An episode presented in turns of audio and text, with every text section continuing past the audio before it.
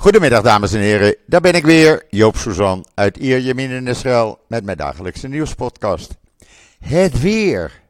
Nou, dat was even wat vanmorgen. Het was 29 graden. Uh, je loopt lekker in je t-shirt en korte broek.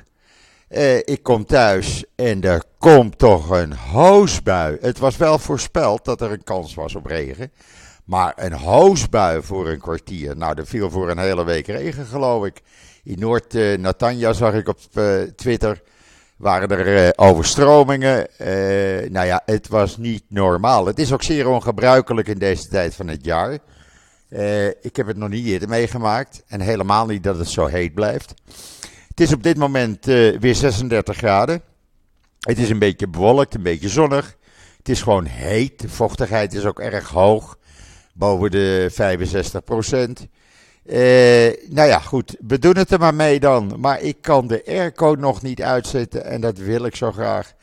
Maar het is gewoon te heet. Ik heb het geprobeerd vanmorgen een paar uur, maar dan komt die hitte weer naar die regen.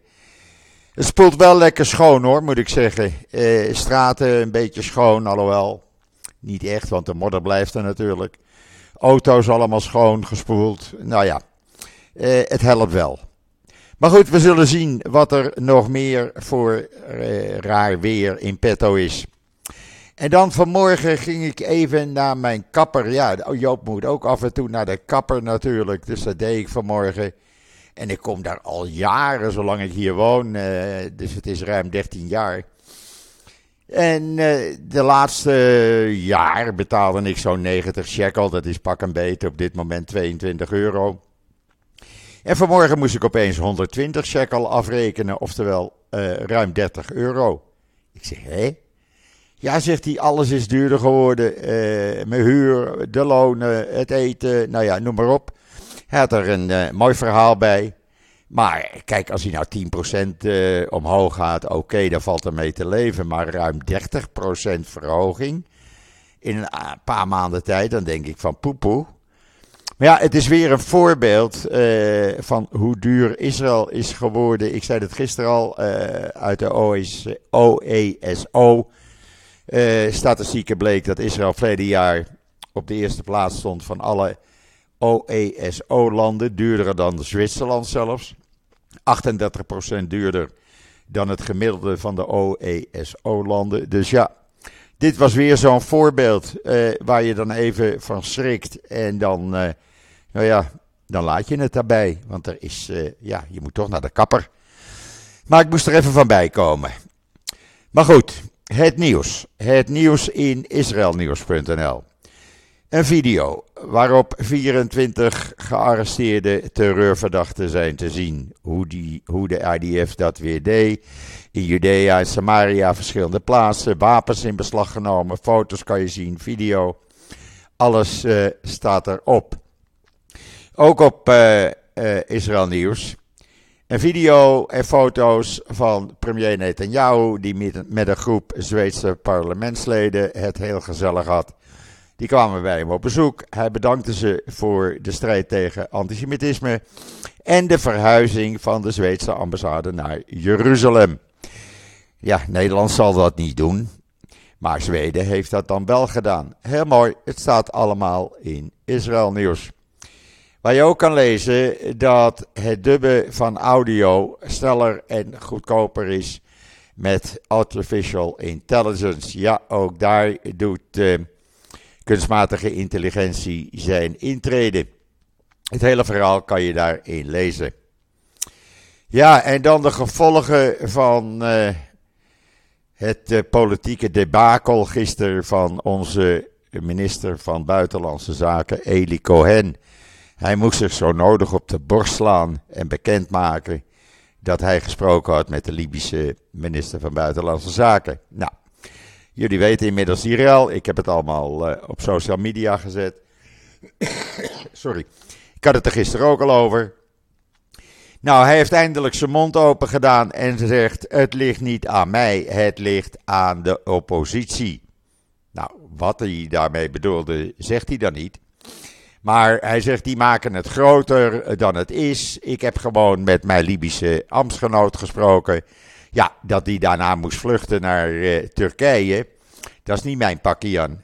Maar uh, ik heb wel met Libië gesproken. Ja, man, hou je mond dan. Het is al zes jaar dat er contacten zijn. Er is ook eens een keer een hoge Libische regeringsminister in Ben Gurion Airport geweest, waar ze stiekem hebben gesproken met de Mossad. dat hou je allemaal binnen kamers op dat moment. Dat ligt niet zo goed. Nou wist die Libische minister er wel vanaf. Uh, Minister-president uh, bedoel ik. Maar die wist er niet vanaf dat het bekend zou worden gemaakt. Want ja, dan krijg je natuurlijk de poppen aan het dansen. Maar goed, de schade is, uh, is aangericht en ja, dat kan niet meer teruggedraaid worden. Meneer Biden, die Amerikaanse president, jullie kennen hem vast wel, die schijnt woest te zijn. Want die had gezegd: hou het binnen kamers, breng het niet naar buiten. Hij had zelfs, zegt hij, Amerika dan, eh, gezorgd dat deze bespreking door kon gaan. Nou, dat betekent dat Netanyahu voorlopig niet op een uitnodiging in het Witte Huis hoeft te rekenen. En dus het met een ontmoeting zal moeten doen, waarschijnlijk in New York tijdens de algemene vergadering van de Verenigde Naties als je Biden wil zien. Galant die is op dit moment in uh, Amerika, maar ook niet in Washington. Dat mag niet van Netanyahu. Zolang ik niet in het Witte Huis ben geweest, mag er geen enkele minister naar Washington. Dus zijn de besprekingen in New York. Ja, eh, een ander probleem met eh, het naar buiten brengen van die gesprekken is. Is Israël nog wel te vertrouwen? Vragen Arabische landen zich af. En ook landen waar Israël geen diplomatieke betrekkingen mee heeft, maar wel regelmatig gesprekken mee voert. Is Israël nog wel, wel te vertrouwen? Want wij kunnen het ons niet veroorloven dat geheime gesprekken naar buiten komen. Ja, met zo'n meneer Eli Cohen, eh, het enige wat hij tot nu toe tot stand heeft gebracht is dat hij eh, de halve wereld heeft rondgevlogen. Vooral veel naar Afrika en Zuid-Amerikaanse landen waar we niks mee van doen hebben. En voor de rest, eh, ja, eigenlijk niks. Ja, totdat dus dat verhaal van Libië naar buiten kwam.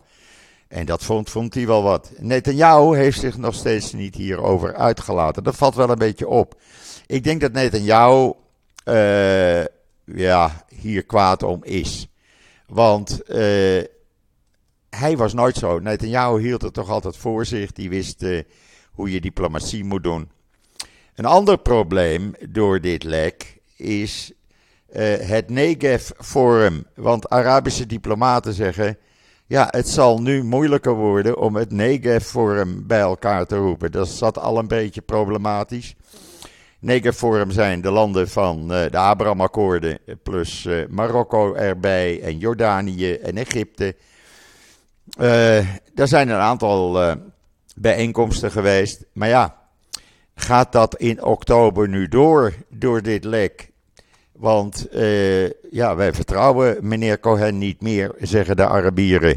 Althans, de Arabische diplomaten aan de Times of Israel. En wij voelen ons daarbij ongemakkelijk. En wij willen niet hebben dat alles wat wij bespreken in dat negaforum door meneer Cohen weer naar buiten wordt gebracht. Dus wij moeten ons eens even beraden, volgens de Times of Israel, of we nu wel uh, in oktober met meneer Cohen uh, gaan zitten.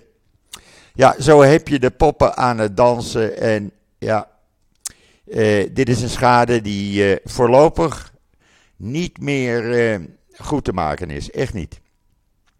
Eh, de Israëlische kranten staan er natuurlijk vol van. Eh, de televisiekanalen gisteravond. Ze vielen zowat over elkaar heen. Want dit was natuurlijk wel iets waarmee ze de regering konden aanvallen. En dan hadden, hebben we natuurlijk Jozef Gadat. Ik ben een fan voor, voor, van hem. Het is een Israëlische Arabier die overal in de wereld eh, PR voor Israël doet. Israël verdedigt waar hij maar kan.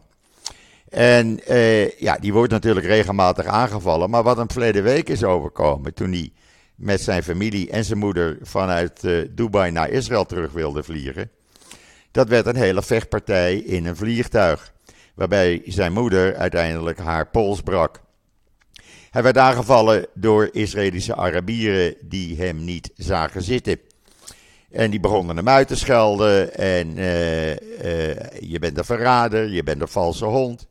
Nou ja, je kan dat allemaal lezen, het hele verhaal en een video in de Engelstalige Ynet. Ik heb er al veel over gemeld op social media. Maar uh, hier staat het hele verhaal nog eens een keer, mocht je het hebben gemist. En dan iets heel bijzonders en ook wel historisch wat er gaat gebeuren. Er was een uh, vlucht van Air Seychelles onderweg uh, van de Seychelles naar Tel Aviv.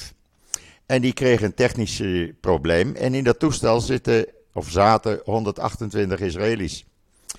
En uh, ja, die moesten een, een landing maken, een noodgedwongen landing, geen noodlanding. Een noodgedwongen landing vanwege het technische probleem in Jeddah, in Saoedi-Arabië. Nou, dat vliegveld van Jeddah is daarvoor aangewezen. Dat is toen de tijd overeengekomen toen Saudi-Arabië akkoord ging met vluchten van en naar Israël over Saudi-Arabië. Uh, maar ja, 128 Israëli's, ja, die hebben dan de nacht in Jeddah doorgebracht. Dat is al bijzonder. Maar vanmorgen vond dan de eerste vlucht van Saudi-Arabië naar Tel Aviv plaats. Want er kwam een uh, ander toestel. En die heeft die uh, passagiers opgebracht, opgepakt. En die zijn dus rechtstreeks van Jeddah naar Tel Aviv gevlogen. Dus je mag best spreken van een historisch moment door een technisch probleem. Zo zie je maar, uh, ja, never a dull moment. Altijd iets bijzonders. En dankzij Air Seychelles, de eerste officiële vlucht van Saudi-Arabië naar Tel Aviv, ik vind het wat. Ja, en dan hebben we natuurlijk meneer Smotterich, de extreemrechtse minister, waar al veel over te doen is, van Financiën. Die zijn vriendje, de extreemrechtse Ben natuurlijk niet zal afstaan.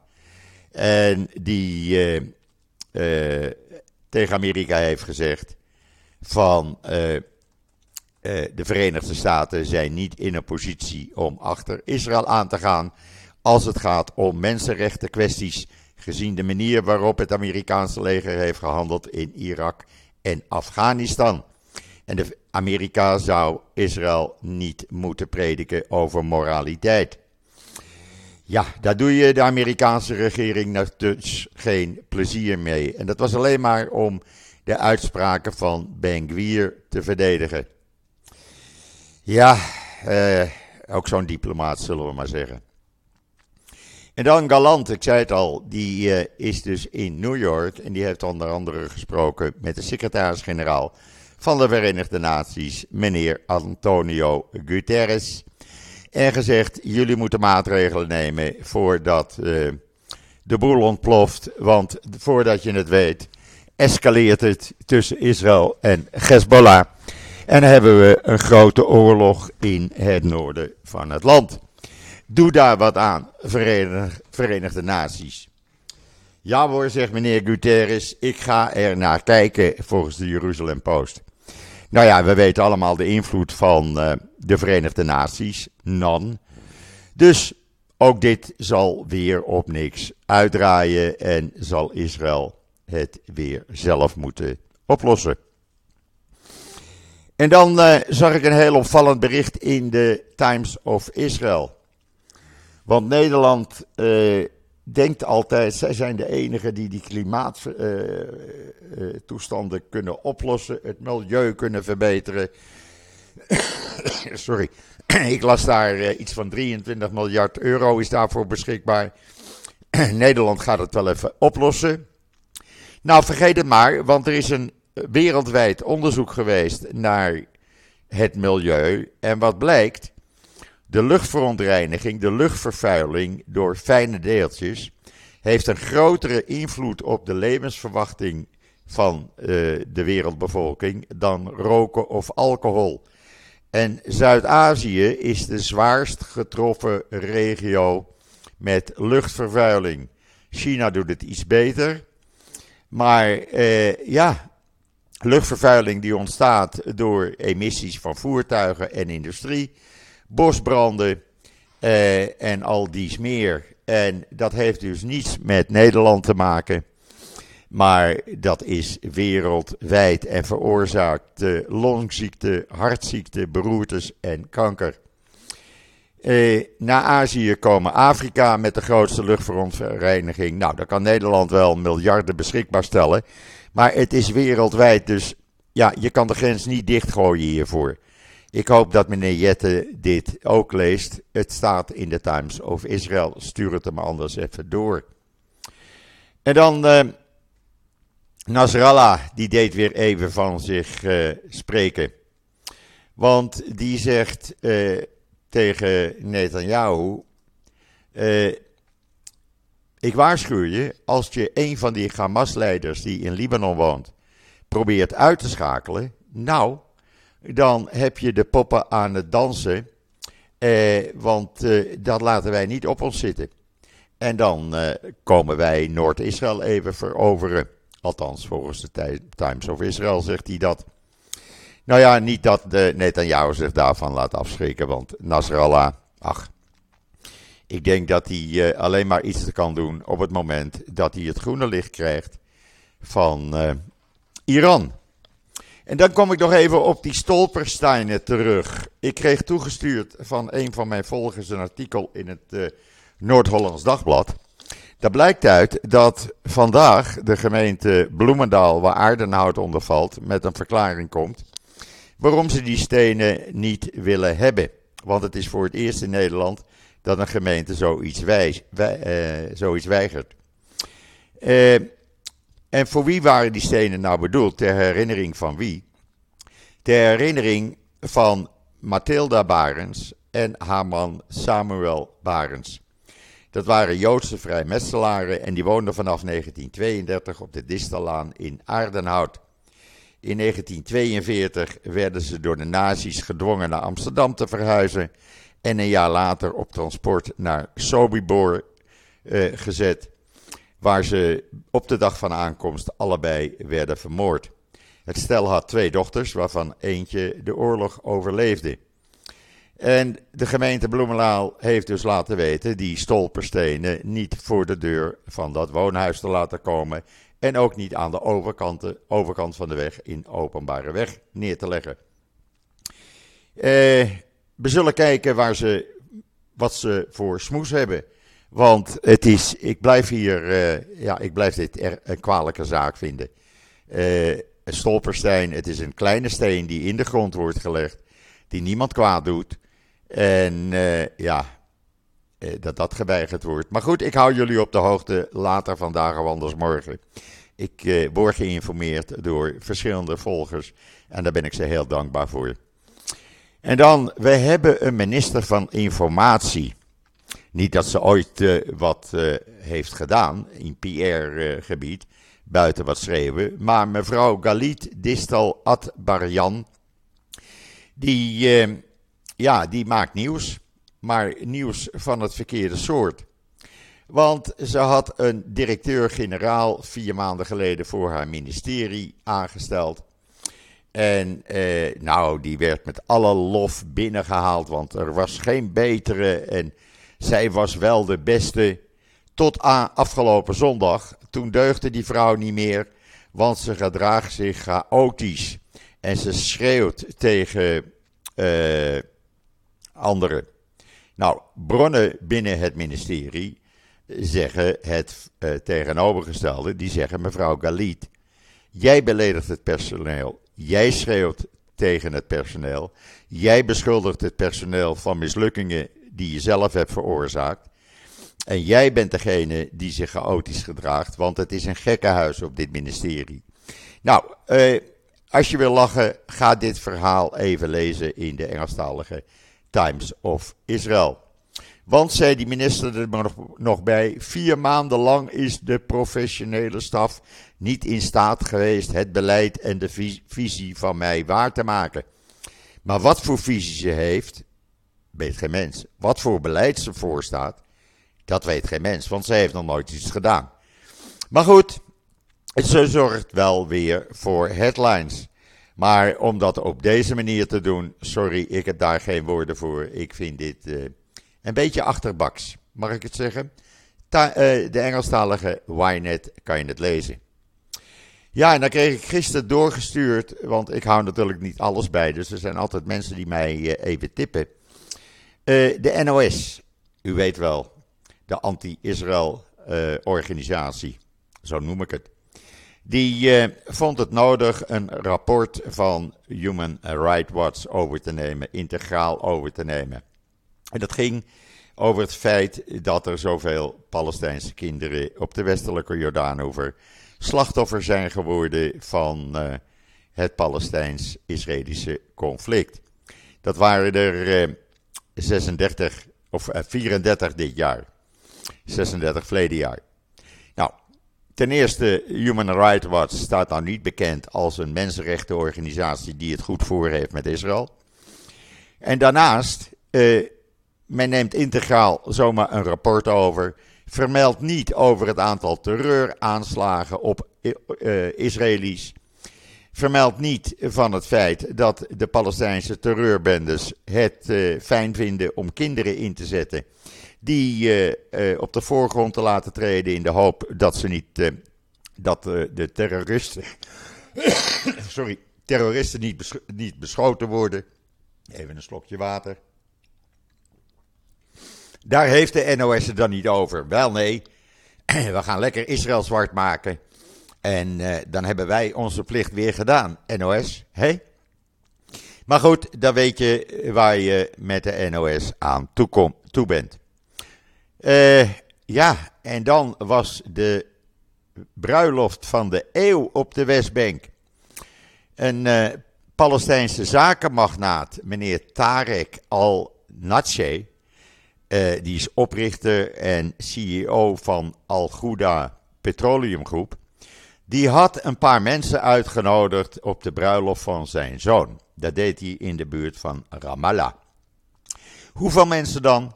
Maar valt wel mee. 60.000 mensen waren uitgenodigd. En dat werd gedaan op een locatie 9 hectare groot. Nou, prima natuurlijk, maar daar werd gebarbecued en daar was open vuur. En nou ja, kosten nog moeite gespaard. Dat moet tonnen hebben gekost. Want er waren tientallen swarma spitten. Er waren barbecues waar het lamsvlees lekker sudderde. Uh, van alles en nog wat. Als je dan zegt dat is goed tegen de milieuverontreiniging. Nee, dus. Sorry. Uh, staat in de Engelstalige Whitenet met een video daarbij. En dan uh, zijn die twee Israëlisch-Amerikaanse meisjes teruggevonden. die door hun moeder hier in Israël werden ontvoerd toen ze hun moeder bezochten vanuit Amerika. Uh, blijkt dat de grootmoeder erbij betrokken was. Nou ja, alle kranten staan er vol van. De moeder is gearresteerd, grootmoeder is gearresteerd. Ze wouden ze naar Europa kidnappen. Ja, dat mag niet. en meneer Smotrich had een ander verhaal nog. Moest hij ook nog even kwijt. En dat gaat over de deal met de Saoedi's.